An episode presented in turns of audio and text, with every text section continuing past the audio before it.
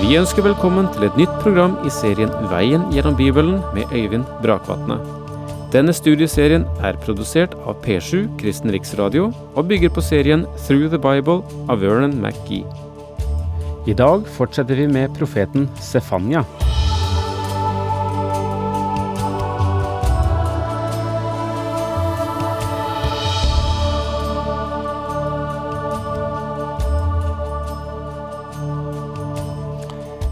En ny, interessant profet venter oss. Eh, jeg er klar over at vi nå har beveget oss en tid i Det gamle testamentet. Men det skyldes jo at eh, det er flere skrifter i Det gamle testamentet enn i det nye, slik at vi ikke kan ha en total veksling mellom et skrift fra Det gamle testamentet og deretter et fra Det nye testamentet. Men eh, nå skal vi ta for oss Sefanya, og så skal vi deretter vende tilbake til det siste brevet i Det nye testamentet, før vi igjen kommer tilbake til resten av profetskikkelsene i Det gamle testamentet, og så avslutter totalt sett hele serien med åpenbaringsboken.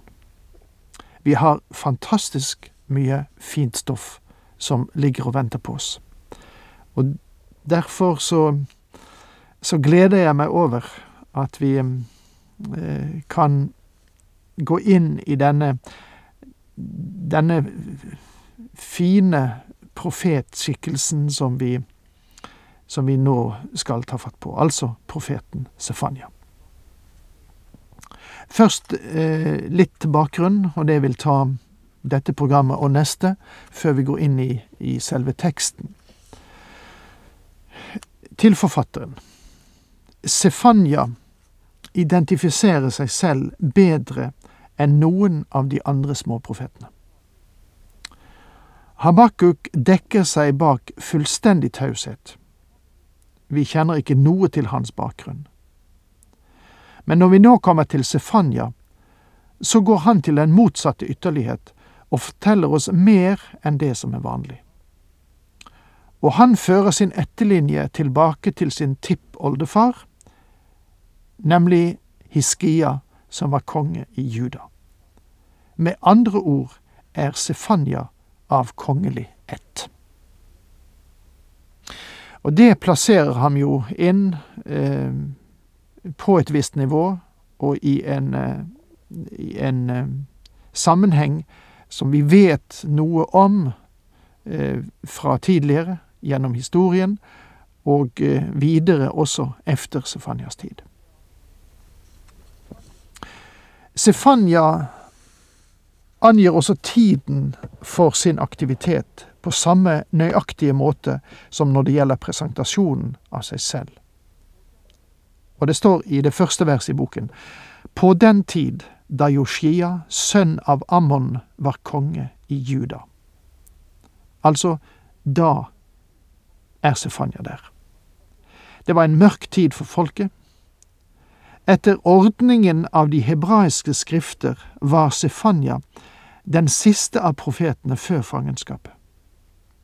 Han var altså samtidig med Jeremia, og kanskje også med Mika, selv om det kan være en viss tvil angående det.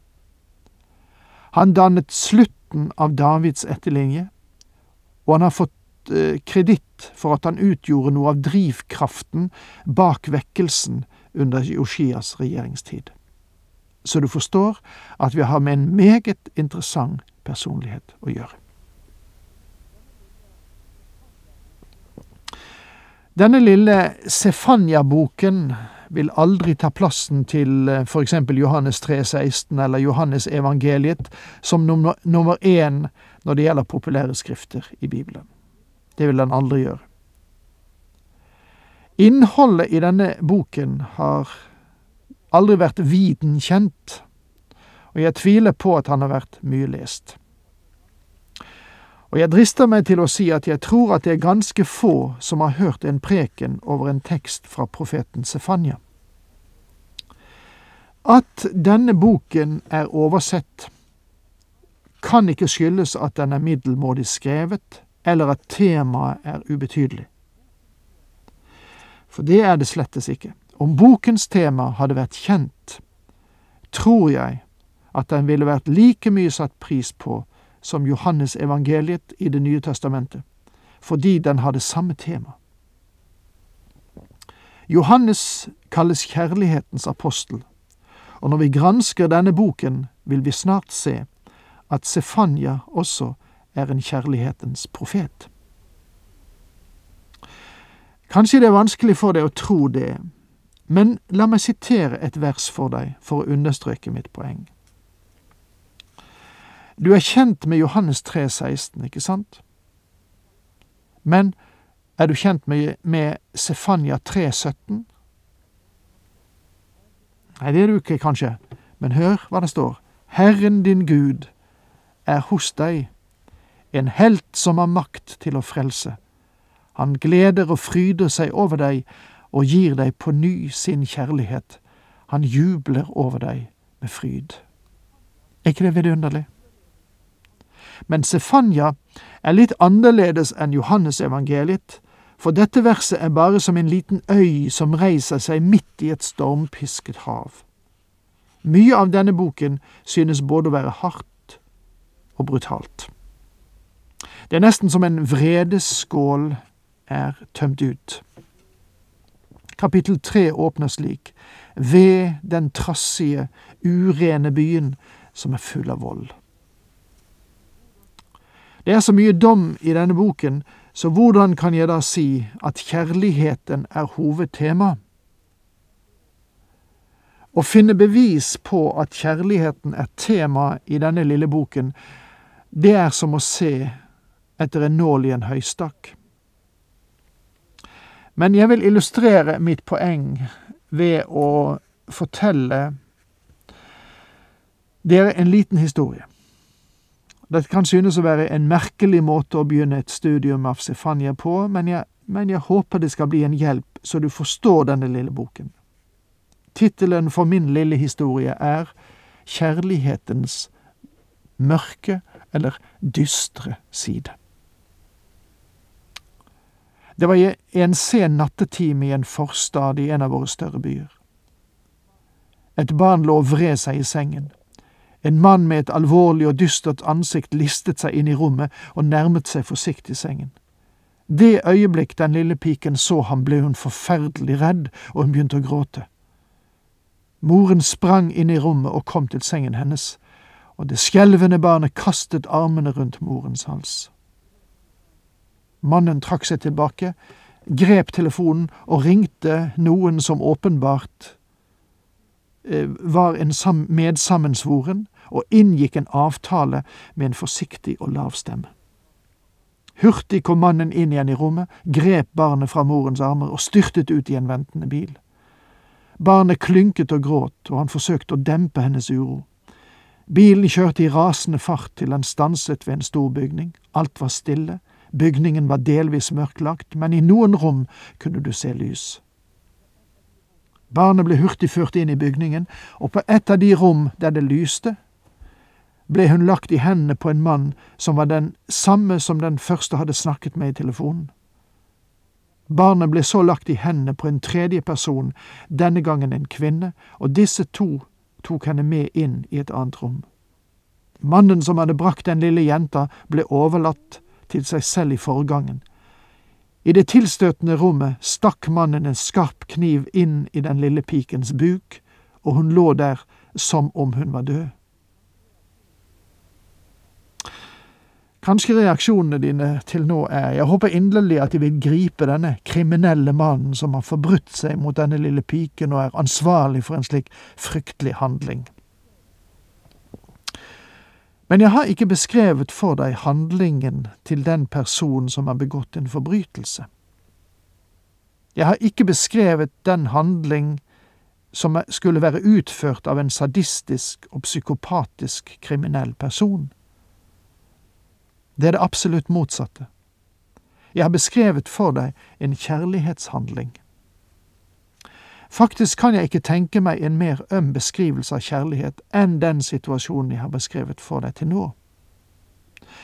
Kanskje du er overrasket når jeg sier det, men la meg gi deg noen flere detaljer, så vil du forstå. Du forstår at den lille piken hadde våknet på natten med store magesmerter. Hun hadde hatt slike smertebølger tidligere, og legen hadde bedt foreldrene følge med dette. Det var hennes far som hadde kommet styrtende inn i rommet.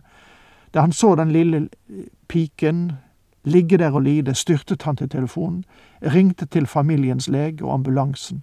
Han fulgte med til sykehuset, der både familiens lege og en kirurg sto klar til å foreta operasjonen. Gjennom det hele var hver bevegelse, hver handling fra fars side drevet av øm kjærlighet, den dypeste omsorg og de klokeste avgjørelser. Jeg har beskrevet for dere den mørke side av kjærligheten, men likevel kjærlighet. Faren elsket barnet like mye den mørke natten da han fikk henne til hospitalet og overga henne til kirurgens kniv, som han gjorde neste uke da han hadde med seg blomster og godterier. Det var like mye en demonstrasjon av den høyeste kjærlighet når han overlot henne i kirurgens hender, som det var uken senere da han brakte henne hjem og la henne i mors armer. Mine venner, kjærligheten verdsetter den evige trygghet og den permanente velferd for den som er gjenstand for kjærligheten over enhver hensynsfullhet eller temperært velbefinnende eller lykke her nede på denne jord. Kjærligheten søker det beste i alle ting for dem man elsker. Og det er det denne lille boken til Stefania handler om, den mørke siden av kjærligheten.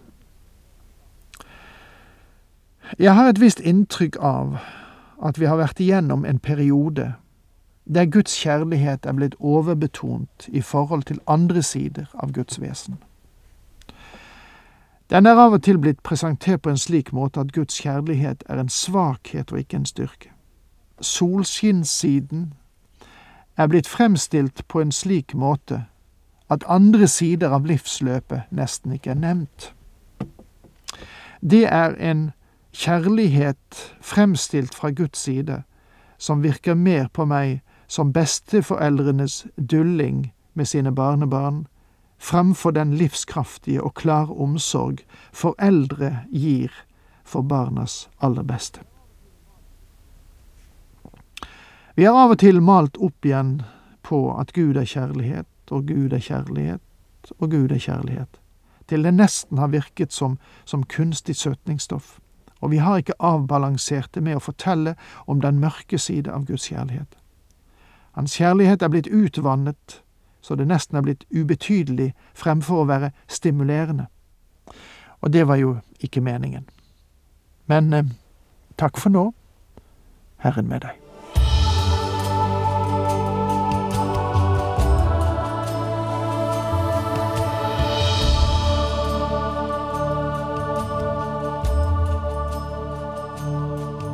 Du hørte Øyvind Brakvatne i studieserien Veien gjennom Bibelen. Serien bygger på et manus av Vern McGee. Har du spørsmål eller kommentarer til programmet, kan du sende en e-post til vgb krøllalfa p7.no. Takk for i dag, og på gjenhør.